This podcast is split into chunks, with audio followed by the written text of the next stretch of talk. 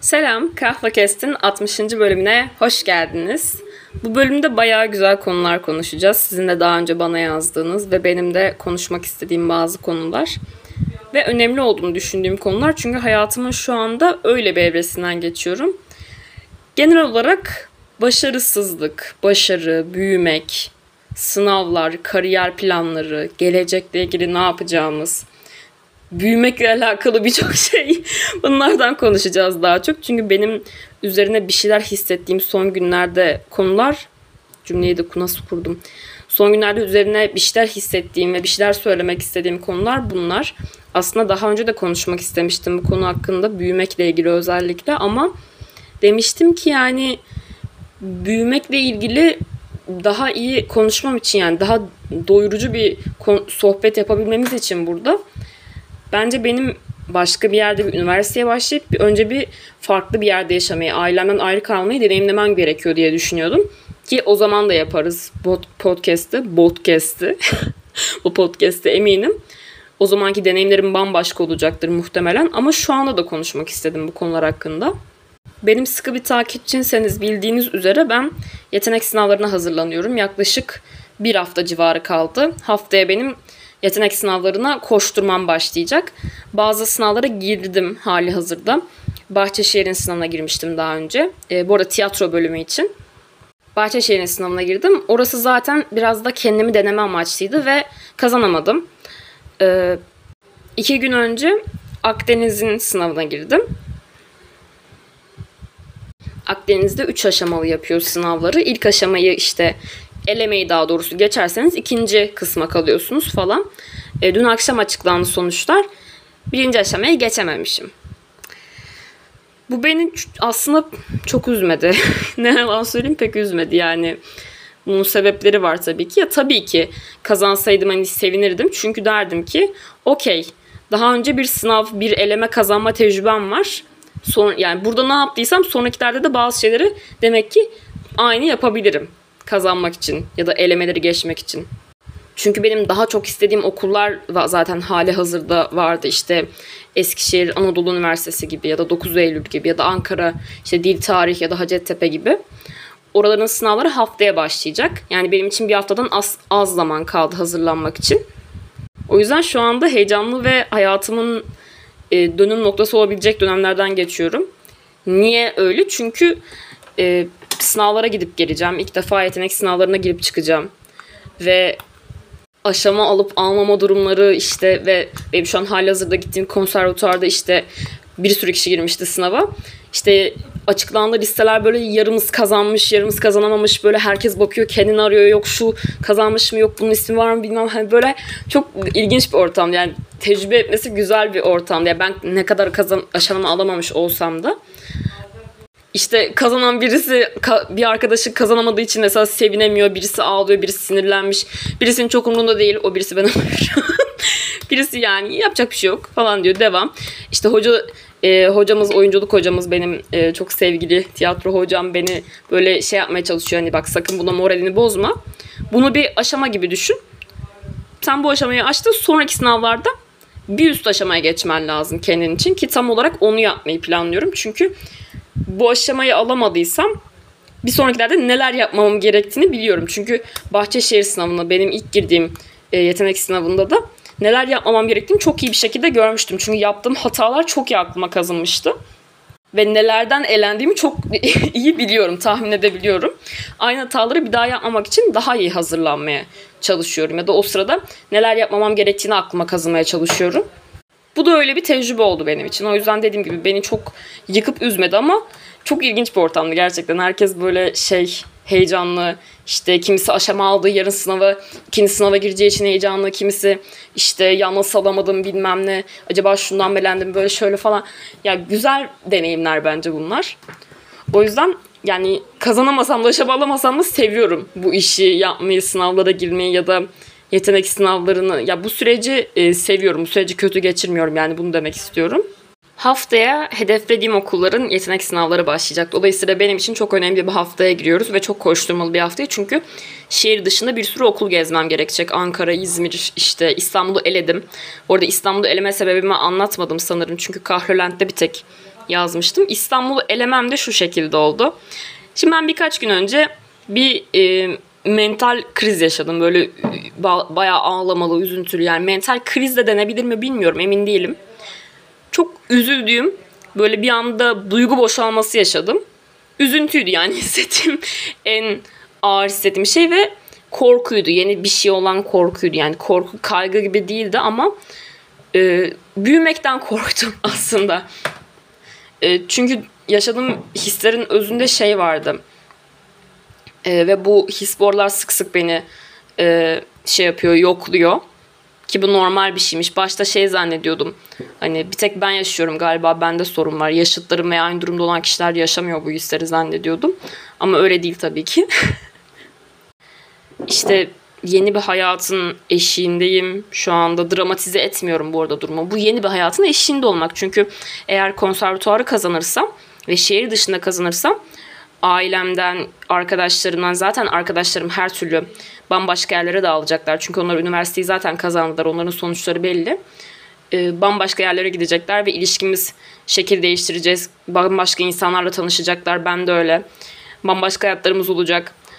Ve konservatuarı kazanıp gidersem başka bir şehre beni yine bambaşka bir hayat bekliyor orada. Çünkü ailem olmayacak bir kere yanımda. Bu gerçekle yüzleşmek beni biraz sarstı. Çünkü ben normalde hadi bir önce gitmek istiyorum gibi bakıyordum ki benim ailem hani şey değil e, yanlış anlaşılmamasın hani birçok insanın yaşadığı gibi ben o kaçma durumunu yaşamıyorum. Yani birçok insan çünkü çok haklı olarak ailesinden kaçmak için de şehir dışında üniversiteye gitmeye çalışıyor şu an. Yani ilk hedef üniversite okumak ya da başka bir şey değil. Yani ilk hedef ailesinin yanından bir kaçmak önce. Ki çok haklı birçoğu yani. Hepsi hatta. Ee, yakın çevremden de bu durumu yaşayanlar olduğu için biliyorum bunu. Benimki öyle bir şey değil. Ben gerçekten ayrı yaşayım, ayrı yaşamayı, başka bir şehirde yaşamayı, işte özel olarak da o şehirlerde yaşamayı. Mesela Eskişehir'i çok isterim. Çünkü hep bir Eskişehir hayalim vardı. Öğrenciliğimi Eskişehir'de geçirmek gibi ya da üniversiteyi işte deneyimlemek tek başıma. Hep böyle bir hayalim vardı. Aslında kendi ayaklarım üstünde kısmen durabilmek için ve deneyimlemek için büyümeyi istiyordum bunu. Yani ailemden kaçmak değildi hedef. Özgür olmak için biraz daha. Ama aynı şeylerin beni bu kadar korkutacağını ve üzeceğini hayal etmemiştim. Ailemden ayrılmanın bu kadar böyle şey olacağını hani ben annemsiz ne yapacağım bir anda hani böyle bir aydınlanma geldi. Aa ben annemsiz ne yapacağım ya? Aa böyle nasıl olacak? Ya da ben e, kardeşlerimden ayrı kalmaya alışık değilim. Ya da kardeşlerim küçükler benim. Ve benden hiç ayrılmak istemiyorlar. Hatta bir tanesi çok sorun çıkarıyor bu konuyla ilgili. İşte üniversiteye gitme mevzusu açıldığında ağlıyor falan bayağı. İşte ben sen ben senin gitmeni istemiyorum. Seni çok özlerim bilmem ne. Bunlar şey hisler. Yani üzücü hisler. Hüzünlendiriyor beni bu konu. Ve bunların aydınlanmasıyla arkadaşlarım da farklı yerlere gidecek ve hepimiz farklı hayatlar yaşamaya başlayacağız. Artık liseli değiliz, çocuk değiliz ya da lisedeki gibi bir arkadaşlığımız muhtemelen olmayacak. Ya da sevgilimle başka şehirlere gideceğiz. İlla ki ben burada kalsam kazanamasam da o başka bir yere gidecek ve ilişkimiz çok şekil değiştirecek. Bunun farkındayız ikimiz de. Bunun, bunun yaşattığı duygusal krizler ikimiz de farkındayız ama açık açık e, konuştuğumuz da oluyor ama genel olarak konuşmuyoruz ve sadece hissediyoruz. Yani o şey hissini hani ayrılacağız hani başka şeylere gidince. Bu illa ilişkimizin bittiği anlamına geldiği için değil zaten öyle bir planımız yok şu an için ama e, şey gibi bir his yani aynı olmayacak bir şeyler. Ve ne kadar bunu sürdürebileceğimizi ikimiz de bilmiyoruz. Uzaktan ne kadar yürütebileceğimizi falan. Ya da arkadaşlarımla ne kadar bağımızı uzaktan sürdürebileceğiz bilmiyoruz. Ya da ailemsiz olmak benim için çok mu zor olacak bunu bilmiyorum. Muhtemelen hiçbirinin cevabını şu an öğrenemeyeceğiz. Hepsinin cevabını bir 6 ay hatta bir yıl içinde öğrenmiş olacağım zaten. Ama büyümek e, zorlu duygular yaşatıyormuş insana. Getirdiği güzelliklerin yanı sıra. Çünkü büyümenin çok güzel tarafları da var orası ayrı. Ama bu yüzüyle de yeni yeni ve bu yüzünün hissettirdikleriyle de yeni yeni karşılaşmaya başladım. Benim için yeni bir tecrübe oldu o yüzden. Ve bu konuyla ilgili çok böyle ağladığım, e, duygu boşalması yaşadığım bir şey geçirdim. Annem geldi ama işte ne oldu bilmem ne falan. İşte aynen şu şekilde ben herkesten ayrılacağım işte şehrimden de ayrılacağım sizden de ayrılacağım işte arkadaşlarımdan da ayrılacağım deyip böyle bayağı hönkürerek aldım bir şey yaşadım annem de kıyamam ne yapsın ki benim annem aslında benim hiç gitmemi istemiyor yani ona kalırsa dizinin dibinde olayım ee, kendince haklı tabii ki hem maddi sebeplerden hem de onun uzaklaşayım istemiyor. Çok haklı o- o- olarak yani çünkü beni merak edecek, benim için endişelenecek. Onun da kafasında ayrı şeyler var. Çok haklı hepsinde. E, ve buna rağmen annem beni böyle şey hani kadın da şok oldu ne desem şu an yani böyle beni hani sakinleştirmeye çalıştı. Tamam hani bu hisler çok normal. Bana da olmuştu. Ben de ailemden ayrılıp üniversiteye başlarken bunları yaşamıştım. Şöyle böyle hani beni sakinleştirmeye çalıştı. Ve bu hislerin hani tabii bu hisleri geçirecek bir şey yok yani. Bunlar yaşanması gereken şeyler. Yaş bazı şeylerin yaşanması gerekir ya yani. Bunlar da öyle. Hani kötü olduğu için anlatmıyorum bu deneyimler. Bunlar olumsuz tecrübeler değil yanlış anlamayın. Aksine olumlu tecrübeler çünkü hayatında yeni bir böyle chapter, yeni bir şey açılıyor. Portal, yeni bir sezona başlıyoruz. Çok heyecan verici bir yandan da biliyor musunuz? Neler olacak acaba? Hani dizinin yeni sezonu gelecek gibi hissediyorum. Beni çok heyecanlandırıyor. Acaba ne olacak? Konservatuara kazanıp gidecek miyim buradan? Gittiğim yerde çok bambaşka bir hayat beni bekliyor olacak. Çünkü bambaşka bir şehir, bambaşka insanlar, bambaşka bir okul ortamı. İlk defa konservatuar yani üniversite konservatuarı göreceğim ve öyle bir eğitim alacağım ve o sektörün içine girmiş olacağım bu şekilde diğer eski ilişkiler, arkadaşlarımla ilişkiler nasıl devam edecek, hayat onların hayatlarına ne olacak, ilişkim nasıl devam edecek ama bunlar çok şey şeyler hani. Acaba işte yoksa burada mı kalacağım ki burada kalırsam da hani kazanamazsam daha doğrusu hayatım kötü olacağı anlamına gelmiyor bu. Burada kalırsam da ama çok farklı şeyler olacak yani. Çünkü bütün arkadaşlarım gitmiş olacak, sevgilim gitmiş olacak. Ailemle bir tek ayrılmamış olacağım ama eski yine de eski hayatım olmayacak burada. Çünkü liseye giden bir çocuk olmayacağım artık. Artık hani konservatuara devam eden ve artık muhtemelen bir şeyler yapmak isteyeceğim. Hayatımla ilgili çalışmak isteyeceğim. Para kazanmak isteyeceğim ya da e, konservatuara tabii bir yıl daha hazırlanmak isteyeceğim. Şu an gittiğim konservatuara devam ediyor olacağım. Falan yani böyle çok bir eşikteyim ve bu çok heyecan vericiyken bir yandan da çok üzücü. Çünkü anılarına, geçmişe çok bağlı bir insanım.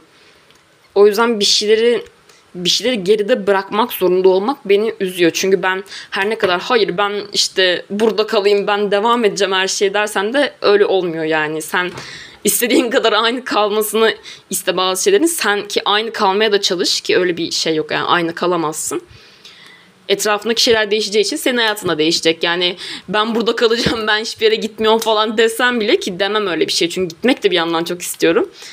Ki öyle bir şey desem bile yani arkadaşlarımı tutamayacağım en basitinden. Ve hiçbir şey aynı olmayacak geri. O yüzden bunlar e, yeni hisler. Güzel hisler. Eğer yaşamıyorsanız da size hani önden belki bir şey hani benden küçükseniz 18'den küçükseniz liseye falan gidiyorsanız hani bunlar gelecekte yaşayacağınız muhtemelen benzer hisler. Çünkü bence herkes bu dönemlerden geçiyor. Farklı hisler yaşayarak belki de. Ya da benden büyükseniz de bu hisler size bir nostalji yaşatıyor olabilir. Hani ulan be falan hani evet gerçekten bebeyken böyle şeyler düşünüyorduk gibi. Ya da gelecekteki denize de böyle bir şey yaşatıyor olabilir. Bilemiyorum. Öyle son zamanlardaki durumum bu şekilde birazcık ve konumuz da genel olarak bununla ilgili olacak. Ya Instagram'da bir Reels gördüm. Ya ben bunu gördüm ya da bir arkadaşım bana attı. Şu an emin değilim. Yalan söylemiş olmayayım. Ee, o da çok bu konularla ilgili olduğu için beni çok şey yaptı. Ee, koymak istedim podcast'te de. Açıyorum şimdi. Çevirisini ben sözlü olarak yapacağım. Doğup büyüdüğün şehirden uzaklaştığında hayatın değişmeye başlar. It is very challenging. The first night you sleep alone, first meal you eat alone is the hardest. And noon knows you. You hold your life in your hands all alone. It's not a trip or vacation. It's a second life. And never say no to a life-changing opportunity. Your new perfect. When Doğup büyüdüğün şeyden uzaklaştığında hayatın değişmeye başlar. Ve en başlarda bu çok zorlayıcıdır. Yalnız uyuduğun ilk gece, yalnız yediğin ilk yemek en zorudur. Ve kimse seni tanımıyordur da. Kendi hayatını yalnız başına ellerine tutarsın. Bu bir gezi veya tatil değildir. Bu ikinci bir hayattır ve asla hayatını değiştirecek bir fırsata hayır demem. Yeni hayatın mükemmel olacak. Böyle bir şey. Ee, of. Yani tam olarak aslında çok özetliyor durumu. Ve muhtemelen evet ilk yalnız yapacağım birçok şey benim için de çok zorlu olacak eğer öyle bir durum olursa. Ve bu ikinci bir hayat olacak. Yani dedim ya yeni sezon geliyor diziye öyle bir his veriyor bana. Dediğim gibi benim hisset ya benim için zor olan tarafı da aslında sevdiklerimin benden uzakta olması. Sevdiklerimin ve yakın olduğum kimsenin yanımda olmayacak olması o sırada muhtemelen. Olabilir belki bir arkadaşın aynı şehre düşeriz falan ama farklı bir hayat, farklı bir başlangıç, farklı şeyler. O yüzden bence güzel şeyler beni bekliyordur diye düşünüyorum. Kahrolent'ten bana bir soru gelmişti şeyde.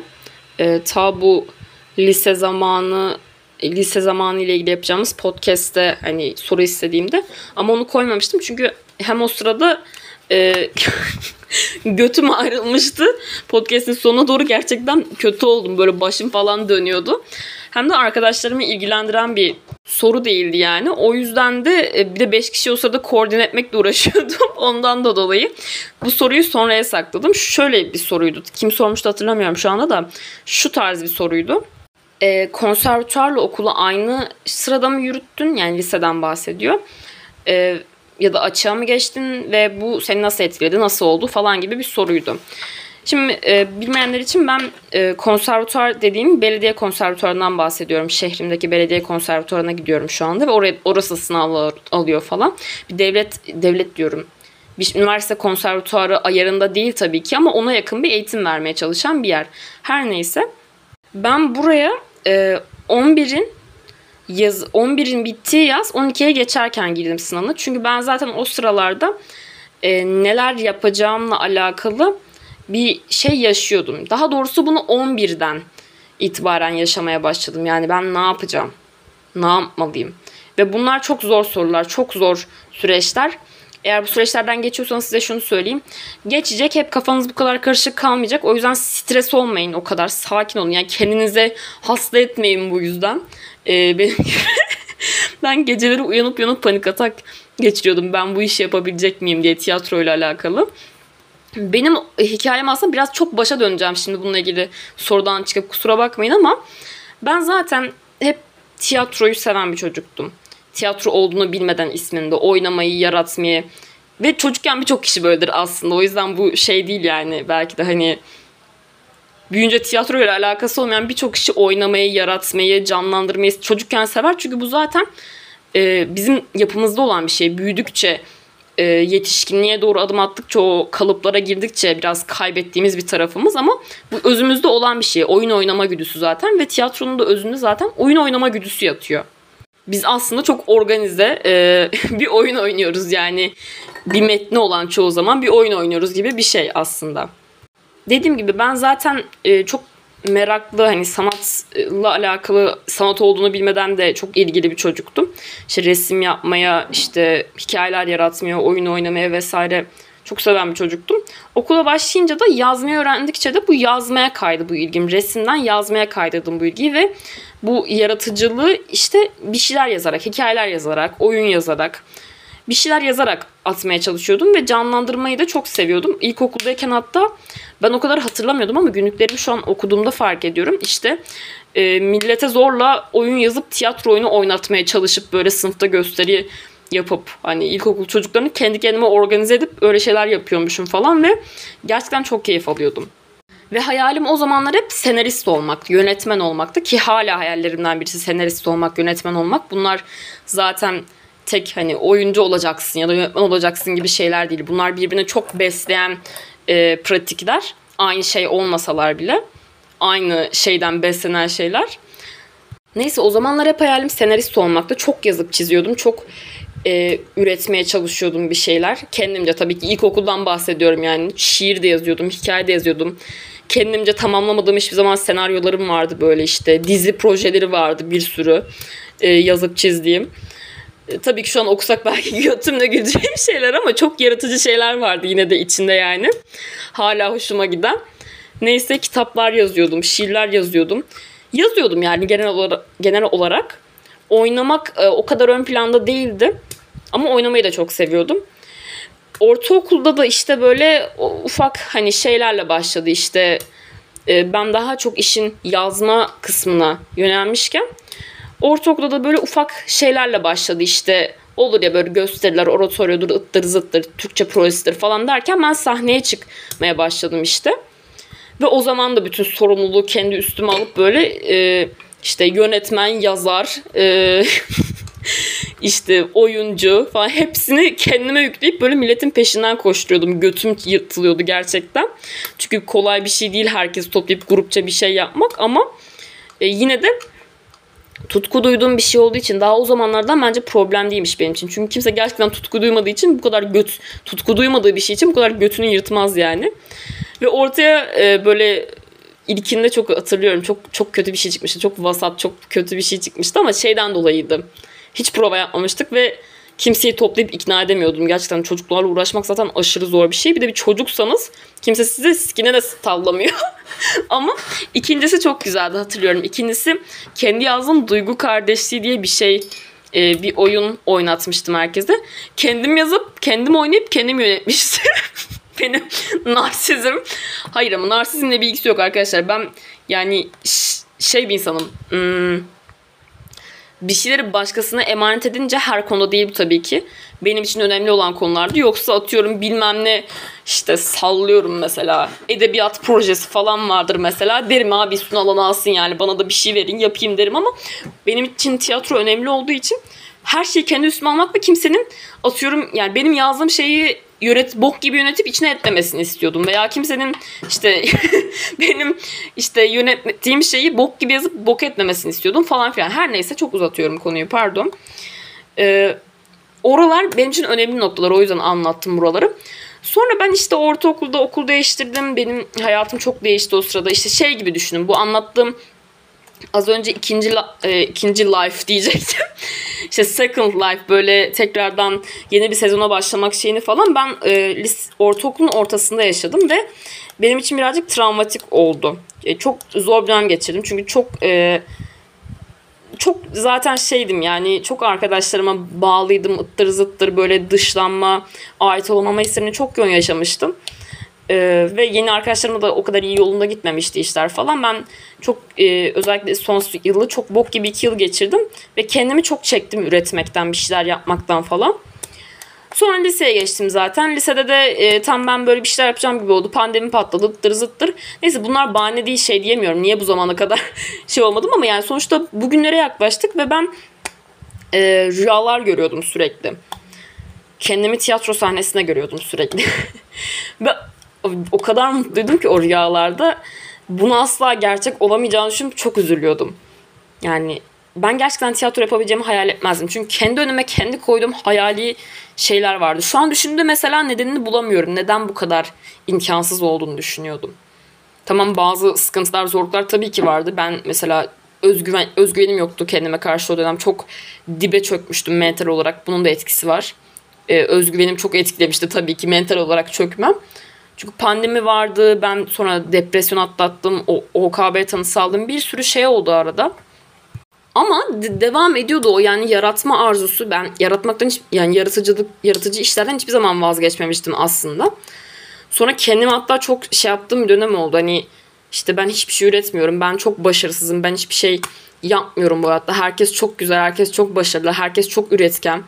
Herkes şurada burada ödül alıyor tanıdığım şu kişi bilmem ne ama ben hiçbir şey yapmıyorum hayatta falan. Çok böyle hissettiğim dönem oldu. Sonradan çok kendime tabii ki çok haksızlık ettiğimi fark ettim. Çünkü depresyondaysanız arkadaşlar bir şey üretememeniz gayet normal yani. Ya da hayatınız zor bir döneme girdiyse bir şeyler üretip işte şiirler yazıp senaryolar yazıp şey böyle çok büyük işler yapamamanız normal yani. Ben o sırada tabii ki o süreçlerde yazmayı bırakmadım. Devam ettim. Sadece kendime kendimin çok başarısız olduğuna inanmıştım. İnandırmıştım daha doğrusu. Ve tiyatro ile ilgili böyle rüya, rüyalar görmeye başladıkça oyunculukla ilgili yani oyunculuk benim için hep şeydi böyle tiyatro. Tiyatro ve oyunculuk daha doğrusu böyle ım, kırılmasından çok korktuğum bir şeydi. Ee, bunu kalbenin bir şeyi vardı. TEDx konuşmasında söylüyordu. Birçok şey denedim bugüne kadar. Müzik vardı hep hayatımda ama müziği hiç insan içine çıkarmamıştım. Çünkü onun kırılmasından çok korkuyordum. Yani o kırılırsa gerçekten hani toparlanamazdım. Öyle hissediyordum. O yüzden müziği bugüne kadar hiç çıkarmamıştım. Sonra hani ortaya çıkardım ve çok güzel şeyler oldu gibi bir şey vardı. Bir şeye çok önem verdiğiniz zaman onun o tutkunuzun kırılmasından çok korkuyorsunuz ki bu e, çok doğru bir yaklaşım değil. Ama anlayabildiğim bir şey. Niye doğru bir yaklaşım değil? Çünkü bir şeye başladığınız zaman o işte çok iyi olamazsınız zaten. İlla ki birileri sizi eleştirecek, birileri size belki hani kötü olduğunuzu bile söyleyebilir o şeyde ki bunun hiçbir önemi yok. Sizin devam etmeniz gerekiyor yola siz tutku duyuyorsanız eğer. Çünkü her şey geliştirilebilir bana göre. Ben doğuştan bir saf yetenek falan öyle bir şey tabii ki olabilir. Nadiren de olsa ama ben çalışmanın gücüne çok inanıyorum yani ve bir şeye inat edilip azim edilirse hani kesinlikle iyi bir şeyler geleceğinin sonunda. Her neyse e, bu doğru bir yaklaşım değildi ama ben böyle hissettiğim için çok kendimi çektim ve maddi sıkıntılar da vardı orada. Yani ben cesaretimi toplayıp da böyle işte hani ben tiyatro kursuna mı acaba şey yapsam falan gibi bir şeyler şey yaptığımda da hani maddi sıkıntılar çıkmıştı karşıma. Kendime tamamen haksızlık etmeyeyim. Denediğim oldu yani. Sonra ben 11'de e, sanırım artık şey oldum yani hani pandemi de girdi araya. 2 yıl da gitti. Bak 11 oldum. Yani lise 1'dim 11 oldum. Bir anda 2 yıl geçti. Çok boktan şeyler oldu arada. Sen işte te- tedavi hani psikolojik tedavi gördün böyle hani ilaç kullanmaya başladın hayatını toparlamaya başladın artık mental durumun bir şeyler yapabilecek okula gidebilecek hayatına yön verebilecek durumda hani eskisi gibi değilsin artık ve eskisi gibi hayatına işte atıyorum boktan insanlar yok artık seni çok kötü gelen sana ee, sanırım artık bir şeyler yapmam gerektiğini fark ettim. Ya da gördüğüm rüyalar artık rüya olarak görmekten bıktığım için de olabilir. Ve şeyle değiştirdi. O o şeyi hala e, kaydedilenlerimde duruyor Instagram postu. Karşıma o zamanlar gittiğim özel bir e, tiyatro kursunun şeyi çıktı. Ben tabii ki o zamanlar o zamanlardan önce de sürekli araştırıyordum ediyordum ama asla bir şey yapmıyordum. Yani araştırıyordum araştırıyordum bırakıyordum. Ee, ya da denediklerim aradıklarında şey çıkıyordu işte ya biz şu zamana kadar doluyuz maalesef işte yani bir de ben çok boktan dönemde aramaya başladım. Dönem ortasıydı yani genelde Eylül gibi falan başlar ya böyle şeyler dön- yeni dönem falan. Kurslarda da o şekilde. Her neyse istediklerim olmadı bir şekilde hani şey olmadı. En son bir tane şey çıkmıştı karşıma onu aradığımı hatırlıyorum. Oradaki telefon numarasını ve nasıl stresliyim nasıl şeyim böyle Allah'ım diyorum hani çok büyük bir şeydi yani benim için o telefon konuşmasını yapmak çok stresliyim. Yaptım telefon konuşmasını ve randevu ayarladık görüşmek için. Oranın oradaki görevli kişiyle tiyatro konusunda. Ve ben hatırlıyorum o zaman bir konservatuara hazırlık atölyesi gibi bir şey bulmuştum. Ona şey yapmıştım ki mantıklı bir şey değil yani. Önce bir tiyatro eğitimi, hobi grubuna bir görmen gerekiyordu. Bir eğitim alman gerekiyordu, temel eğitim. Sonra gittim görüştüm. Allah'ım çok komik bu arada çok dalga geçersiniz. Şu anda görseniz orada o zamanki halimi. Çünkü resmen mülakata gider gibi gitmişti. Sanki beni orada sorguya çekecekler. Oysa ki kadın benimle, kadın oranın görevlisi yani tiyatrocu, oyuncu ya da benim hocam falan değil. Kadın orada benimle şey görüşecek yani diyecek ki işte şu kursunuz var şu kadar Hani istersen şu kursa katılabilirsin falan böyle bir konuşma olacaktı. Neyse o konuşmalar yapıldı edildi. Sonra ben kursa başladım. Ee, işte orada da şimdiki hocamla tanıştım. Benim gerçekten hayatımı değiştiren kişilerden birisi bence. Ve ım, hobi grubunda tiyatro yapmaya başladım. İşte bu benim hayatımı değiştiren bir şey oldu. Çünkü o kadar o kadar mutlu gidiyordum ki tiyatro yani o kadar hani şey yapıyordum ki. Ve hocam da beni başından beri çok yüreklendiriyordu. Ee, ben daha bir şey söylemeden ya ben ona bu tutkularımdan e, çok fazla bahsetmemiştim. Ya daha doğrusu kısmen bahsetmiştim. Şöyle bir bahsedişti benimki. Ya ben bu şeyi tutkuluyum ama benim içinde olup birazcık yapabiliyor muyum görmem lazım. Eğer yapamıyorsam e, tamam bu hobi olarak kalsın benim için deyip bırakacağım. Yani hobi olarak bırakacağım kendim için ama görmem lazım. Hani diye başlamıştım ben bunu aslında görmek için. Çünkü 12. sınıf geliyor. Liseden mezun olacağım. İnsanlar artık neler yapmaya, hangi bölüm okumak istediklerini falan karar vermeye başlıyorlar. Benim aklımda sinema televizyon var ama yine de hani sinema televizyon okumak istesem de yine de köşede kafamı tiyatro kurcalıyor. Bir şey yapmam lazım deyip başlamıştım ve hocam beni çok yüreklendirdi. Ee, şöyle yüreklendirdi. dedi ki çok yeteneklisin. Hatalarım var. Düzeltiriz. Çünkü daha küçüksün. Ben 16 yaşındaydım o sırada başladığında. Ee, 17 miydim ya? 16 mıydım 17 miydim? Emin olamadım şu an. Öyle bir şey yani 16-17 bir şey. Ee, hani çok yeteneklisin, hatalarım var, e, çok küçüksün ama bunların hepsi hani düzeltiriz. Sen bu işi yapmak istiyorsan peşinden git. Ben sonuna kadar arkandayım. Her türlü destek olurum sana dedi ve gerçekten hani çok teşekkür ederim. Bugüne kadar da hep yanımda oldu. Hala öyle, hala yanımda. Benim en büyük şansım oydu. Sonra ailem de e, ailem de büyük bir şanstı benim için. Sonrasındaki süreçte annem mesela bu kararıma hiç bayılmasa da benim hep yanımda oldu yani.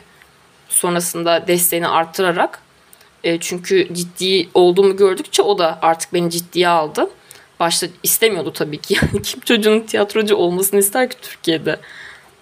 Neyse ben o yaz işte e, böyle şeyler geçirdim işte. Kendi içimde ben bu iş yapabilecek miyim şöyle mi böyle mi?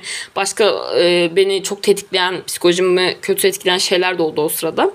E, tiyatrodan bağımsız. Onlarla da cebelleşirken tiyatro ile ilgili böyle çok kaygılarım başladı. Ben bu işi yapabilecek miyim diye gece uyanıp panik atak geçirmeye başladım. Sürekli panik atak geçiriyordum o dönem. Ve ilacı bırakma sürecindeydim. İlaca geri başladım hatta Sonra hani kararsız bile kaldım hatta. Ben bu işi sevmiyor muyum yoksa? Ya, ama şöyle bir his. Hani ben bu işi ya sevmezsem bir gün. yani kaygı o kadar boktan bir şey ki. Anksiyete sahibi olan kişiler bunu bilir. Ee, bazı düşüncelerin anksiyeteye mi ait olduğunu, size mi ait olduğunu kestiremiyorsunuz. Yani ben bu işi ya bir gün sevmezsem mesela bu korku. Yani bunu ne yapabilirsin ki mesela böyle bir korkum varsa. Çünkü gerçekten tiyatroyu sevdiğimi biliyorum. Ya ben bu işi sevmezsem ya ben bu işi gerçekten yapamazsam ya ben bu işi sevmiyorsam ya ben bu işi becerebilecek miyim falan.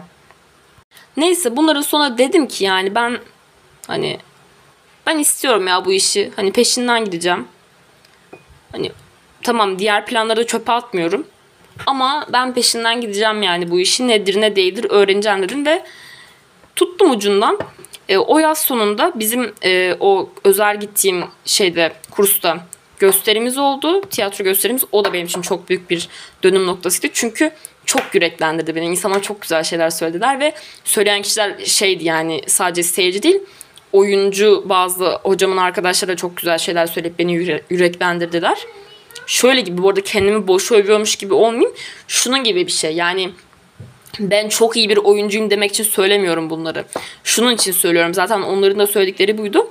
Kumaşı hani şey var. Hani malzeme var ve bu malzeme işlenirse çok iyi şeyler çıkabilir. Yani bu ne demek? Yatkınsın, yeteneklisin, uğraşırsan çok iyi bir oyuncu olabilirsin çalışırsan. Bu malzemeyle ilgili bir şey. Kiminin malzemesi daha azdır. Daha çok çalışması gerekir ama o da yapar mesela. Hani bunun gibi bir şey. Her neyse ya da kiminin bazı problemleri vardır. Bu yüzden çok daha zorlanır çalışırken ya da bir noktaya gelmek için ama o da yapar. Hani bu şey gibi bir şey değil. Yani kendimi e, ego kasmak için söylemiyorum bunları gerçekten. Bunu kanıtlamak için şey yapıyorum. Şu an açıklama yapıyorum. Ne gerek varsa neyse. Bana ne yani istediğini düşünsün düşünen. Sonra o yaz sonu gösterimiz oldu. Ben kursu bıraktım ve zaten planım e, kursu bırakıp şey yapmaktı. E, kendim duymuş olduğum bir arkadaştan duymuş olduğum e, oradaki belediye konservatuarına başlamaktı. Ve onun sınavına girmekti. Onun sınavına girdim. E, hocam da destekledi. Gir tabii ki dedi. Hem sınav tecrübesi olur hem de orayı kazanırsan dedi. Oradan hani devam edersin. Çünkü ekonomik durumlar da kötüleşmeye başlayınca yani oraya her ay bilmem kaç yüz lira verecek e, para kalmamaya başladı yani. E, ben sonra oranın sınavına girdim. Kazandım. Sonra çok büyük bir şansla benim hocam orada oyunculuk hocası olarak başladı. Ve bu tamamen tesadüf oldu burada. Denk geldi yani. Ee, sonra orada eğitim almaya başladım ben Aralık'tan itibaren ve çok şey kattı bana. Gerçekten çok şey kattı.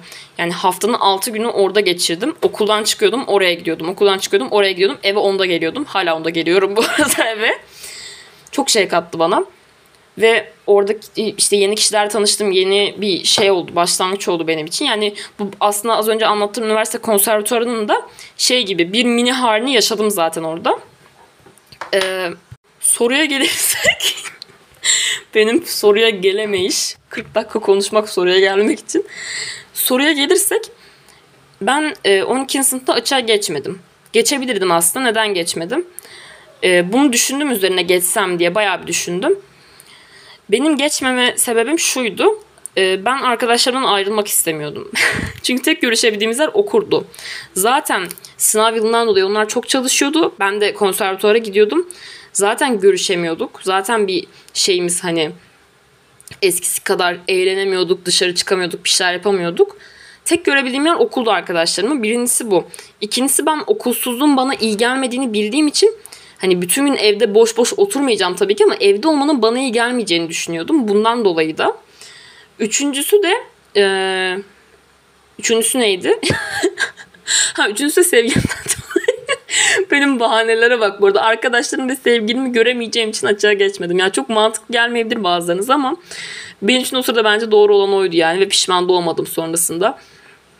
Ee, ha, yoruluyor muydum? Yoruluyordum. Belki daha az yorulurdum böyle olsaydı ama pişman olmadım açıkçası. Yani belki sonradan bir 5 yıl sonra olur ne salakmışım yani bir açığa gelseymiş falan diye ama hayır yani ben olmadım açıkçası.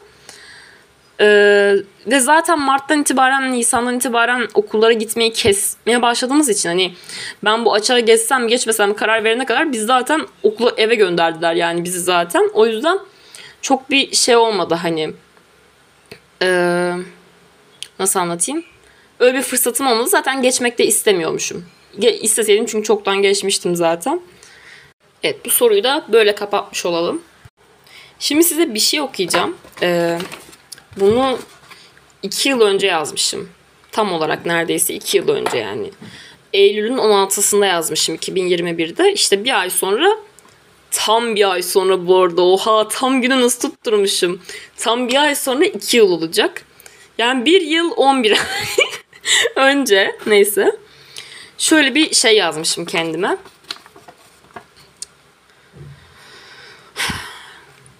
Çok çalışmam lazım biliyorum. Sonra beyaz kalem bana göre değil diye. Çünkü mor bir kağıda beyaz kalemle yazmaya çalışmışım. Sonra beyaz kalem bitmiş. Neyse. devam ediyorum. Siyah bir kalemle başlayıp şöyle demişim. Buradan devam etsek fena olmaz sanki. Ne diyordum? Çok çalışmam lazım. Ne konuda mı? Kendimi ne olarak gördüğümde kalbim çarpıyor. Neyin ismiyle ismim aynı cümlede geçince anlamsız bir gurura kapılıyor.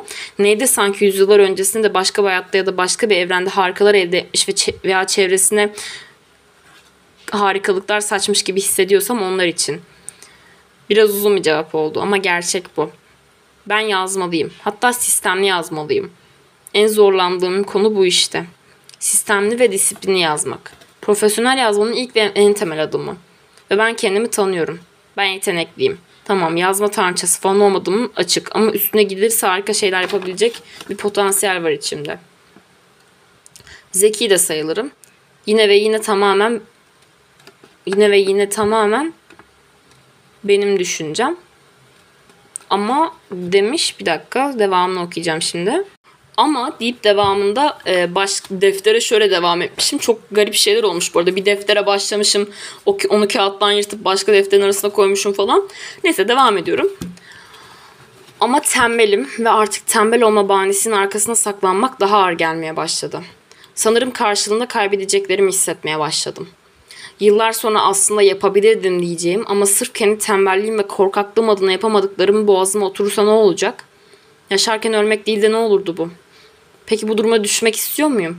Peki şu an istediklerimi istiyor muyum? Gerçekten istiyor muyum? Gerçek bir soru bu Deniz. Kafanın evet tabii ki istiyorum diye ezbere cevap verebileceğim bir soru değil. Gerçek bir soru. Hem de hayatının gidişatını ve yapabileceklerini belirleyebilecek bir cevabı var.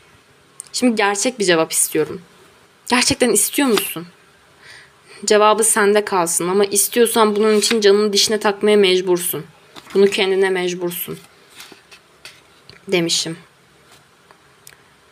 Şimdi bu yazı benim için önemli bir yazı. Çünkü bu tembellik bahanesinin arkasına sığınmak dediğim şeyi ben bir işte bu pandemiyle birlikte gelen süreçte özellikle 9-10 falan 2 yıl falan yaptım bunu. Yani ben tembelim zaten gibi. Çünkü şöyle gelişti yani insanlar bana tembel olduğumu hissettirdiği ve söylediği için ben öyle şey yaptım. Ya ben tembel biriyim zaten hani ne uğraşacağım. Hani kişi, sanki kişilik özelliğiymiş gibi hani bu şey gibi ben inatçı biriyim gibi. hani sanki bu çalışarak değiştirebileceğim bir şey değilmiş gibi. olmaya başladı ve ben bunu içselleştirdim, kabullendim yani ki bence bu büyük bir hataydı.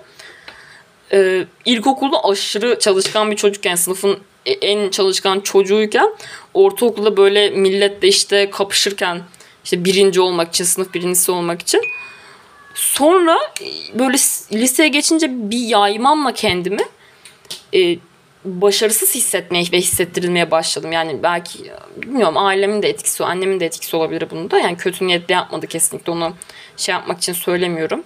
E, kötülemek için söylemiyorum kesinlikle ama böyle hissetmeye başladım. Ve aslında gerçek şuydu. Çalışmak istemiyordu. Bu kadardı. Çünkü çalışmamı istenen şeyler çok boş geliyordu bana. Yani çalışmak istemiyordum gerçekten. Kimya, fizik, biyolojiden tiksiniyordum. Diğerleri tarih falan seviyordum. Tarih sevdiğim için de tarih notlarım yüksekti. Bu kadar yani. Birçok aslında yani çok normal bir şey aslında. Normal bir insan gibi sevdiğim e, şeyleri yapmak istiyordum. Sevdiğim şeylere çalışmak istiyordum ve sevmediğim ve işime yaramayacağını düşündüğüm şeyleri ezberlemek istemiyordum. Bu bana aşırı sıkıcı geliyordu. Onun yerine oturup saatlerce yazı yazabilirdim yani umurumda değildi. Ama ne oturup saatlerce yazı yazabiliyordum, ne sistemli yazabiliyordum, ne tiyatroya başlayabiliyordum cesaret edip, ne geleceğimle ilgili ne yapacağıma karar verebiliyordum cesaret edip yine. Ne de bu sorumlulukları benden beklenenleri doğru düzgün yerine getirebiliyordum. O yüzden arada çok sıkışmıştım. Yani kendimi çok başarısız hissediyordum. Ama neyde başarılı olmam gerektiği konusunda emin değildim. E, neyi yapmak istediğimden de emin değildim okul derslerimde e, çalışmadığım, umursamadığım için tembel damgası yiyordum ama tembel biri değilim ben bunu biliyorum. E, ve tembelliği içselleştirdiğim için de başka şeylerde de kendimi geriye atıyordum. Kendi kendime. Ben tembelim zaten deyip. Bunun farkındalığına varınca çok çok çok şey oldum. Çok şey oldum yani ben niye tembel olmayı kabul ediyorum ya? Ben tembelim zaten yani öyle bir şey yok hani bu başkalarını suçlamıyorum sadece. Hani insanları sistemi, annemi ya da başkalarını suçluyormuşum gibi gelmesin. Tamam sistemin suçu var tabii ki belki hani ya da annem de bana belki öyle hissettirmemeliydi. Ama en büyük suç bendeydi yani. Sen niye kendi kendine tembelim ben bunu diye kabulleniyorsun ki? Ya da tembelim demek senin kolayına geliyor. Çünkü evet e, mağdur hissetmek ya da kabullenmek ya da çok kolay geliyor ama hani hayır böyle olmak zorunda değilim deyip bir şeyler yapmak zor geliyor o sırada ama kolayına geldiği için bunu seçemezsin. Yani senin hayatın söz konusu burada. Çünkü sen birkaç yıl daha böyle inanmaya devam edersen belki hiç istemediğin bir şey yapıyor olacaksın ve diyeceksin ki ben ne yaptım ya? Hani ben başka şeyler yapabilirdim. Benim potansiyelim vardı çünkü. Ben kendime güvenmeyen birisi ya da kendimi e, beğenmeyen birisi değilim genel olarak. Kendime güveniyorum gayet yetenek, yetenekli olduğumu da biliyorum bir şeylerde ve burada yazmak üzerinden demişim ama bunları tiyatro üzerinden de alabiliriz. Ben hatta şuralarda işte hani gerçekten ne istiyorsun ya da istediğin şeyi istiyor musun falan gibi kendimi sorguladığım şey tiyatroydu zaten büyük oranda. Ve çok sıkılmıştım tembel hissedip tembel tembellik bahanesinin arkasına sığınmaktan gerçekten ve bunu bırakmam gerekiyordu. Bırakmak için de adım atmam gerekiyordu. Bu kadar basit. Yani adım atacaktım. Tut, ya tutarsa tutar tutmazsa da artık yapacak bir şey yok. Ben en azından denemedim demem yani gibi bir şeydi. Ve şansım ailem hani destek oldu bana. Şey demediler. Hani ya hayır yapamazsın izin vermiyoruz demediler.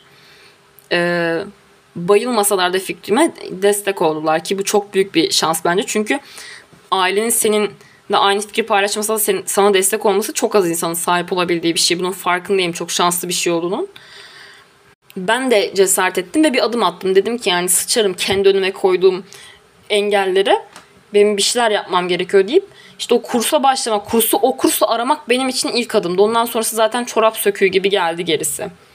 Kursa başlamam, hocamla tanışmam, tiyatroyu gerçekten tutkuyla istediğimi fark etmem. Ee, sonra tiyatro konusunda temel bir beceri, bilgi, bir şey edinmem o hobi grubuyla. Ee, daha sonrasında daha ilerisini istemem kendim için ve sınava girmem, şu an gittiğim konservatuara kazanmam, falan ve oradan aldıklarım beni bugüne getirdi şu anda ve ben bir hafta sonra yetenek sınavlarına gireceğim. O yüzden yani kazanamazsam bile bu beni başarısız yapar mı? Bence yapmaz. Başarı üzerine ne, çok sorguluyorum bu aralar. Ne başarı ne başarısızlık diye. Başarısızlık bu değil yani bence. Başarısız yapan bu olmamalı bir insanın. Ve benim için de değil. Yani böyle hissetmemesi, böyle konuşması kolay, hissetmesi zor içselleştirmesi zor farkındayım belki. Sınavları kazanamazsam da böyle hissetmeyeceğim muhtemelen ilk etapta ama ben bunu biliyorum içten içe yani. Bu beni başarısız falan yapmaz yani. Ben başarısız olduğumu düşünmüyorum. Ve başarısızlık da yani bilmiyorum ya. Ne düşünüyorsunuz bu konular hakkında? Yani başarı ne yani? Ne başarı? Şu anda çoğunuzun e, tercih dönemlerinde ve tercihlerinde açıklanmasına çok yaklaştığımız dönemlerde yani bu birkaç gün içinde açıklanacak tercihler. Bu soruyu düşünmek belki iyi gelebilir size. Çünkü kendinizi başarısız hissediyorsanız ya bir sorun başarısızlık ne abi yani. Başarısızlık ne? Başarı ölçütünü kim belirledi? Ben bugüne kadar ilkokulda, ortaokulda hani başarılı bir öğrenci olmaya çalıştım. Yani bir, bir sikime yani o yüzden bazen mesela şey oluyor hani şöyle şeyler geldiğinde mesela benden daha küçük kişilerin işte hani ya bu dönem takdir alamadım ya da şöyle oldu teşekkür alamadım falan gibi şeylerden abi sikret ya hani o kadar önemi yok ki o takdiri belgesinin o teşekkürü belgesinin o kadar bomboş ki yani hiçbir önemi yok. Onu alamadın diye o kadar hani seninle ilgili hiçbir şey söylemiyor ki bu.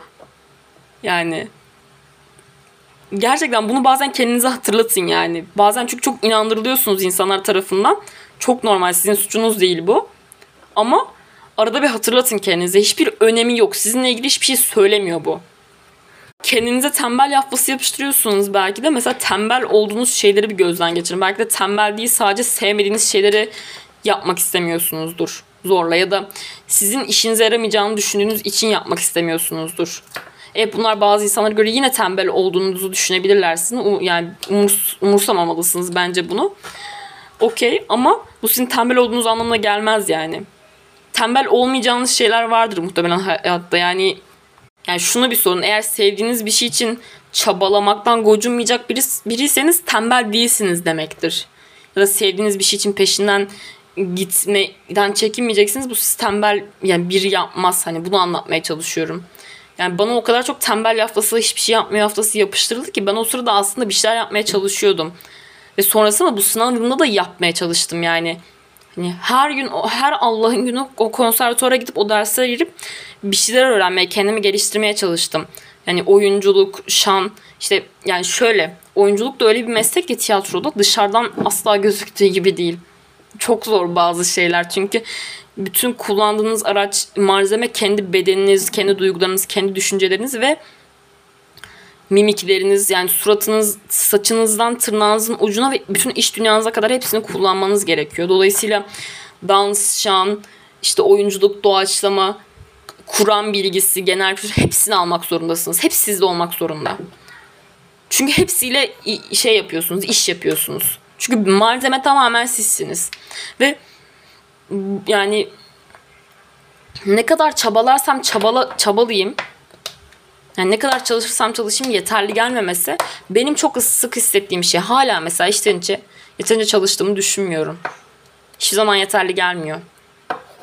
Ve bunu gerçekten yeterince çalışmadığım için mi yoksa ben gerçekten sürekli hiçbir zaman çalışmadığımı hissettiğim için mi bilmiyorum.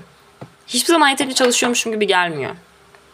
Ve bu başka insanların da yaşadığını duyduğum bir his olduktan sonra acaba gerçekten ben kendime haksızlık mı ediyorum şeklinde olmaya başladı. Çünkü hiç çalış acaba hiç çalıştığım zamanları hiç gözden geçirmiyor muyum yani hep mi çalışmadığımı düşünüyorum acaba hani bu bir illüzyon mu acaba gibi olmaya başladı ve bundan hiçbir zaman emin olamayacağız ama hala e, çok sık yani sanki hiç yeterince çalışmıyormuşum gibi geliyor. Ama sonra kendime hatırlatıyorum çalıştığımı. En azından düşündüğüm kadar az çalışmadığımı kesinlikle. Ne kadar çalışırsam çalışayım yeterli gelmiyor yani. Hep daha iyi, daha iyisi olabilir gibi geliyor. Ve bu da çok yorucu bir his. Bir de kendimde fark ettiğim bir şey de son zamanlarda fark ettiğim bir şey. Bende gerçekten imposter sendromu varmış ve ben bunu geç fark ettim. Imposter sendromu ne? Elde ettiğiniz başarıların, elde ettiğiniz e, şeylerin tesadüfi ya veya böyle şans eseri ya da sizin hak etmediğiniz şeyler olduğunu düşünmek. Yani bir şey elde edersin mesela ve birileri seni çok över. Hocam hocam birisi. Hani aferin bak çok iyi yaptın şunu falan der ve sen içten içe Hani Allah Allah ya hani içten hiç öyle hissetmezsin. Sanki hani sen üzülmeyesin diye öyle diyorlarmış gibi gelir mesela. Bana bu çok sık oluyor hala biliyor musunuz? Hocam beni övdüğünde mesela şey dediğinde Ee, işte şey gibi bir şey demişti mesela en son.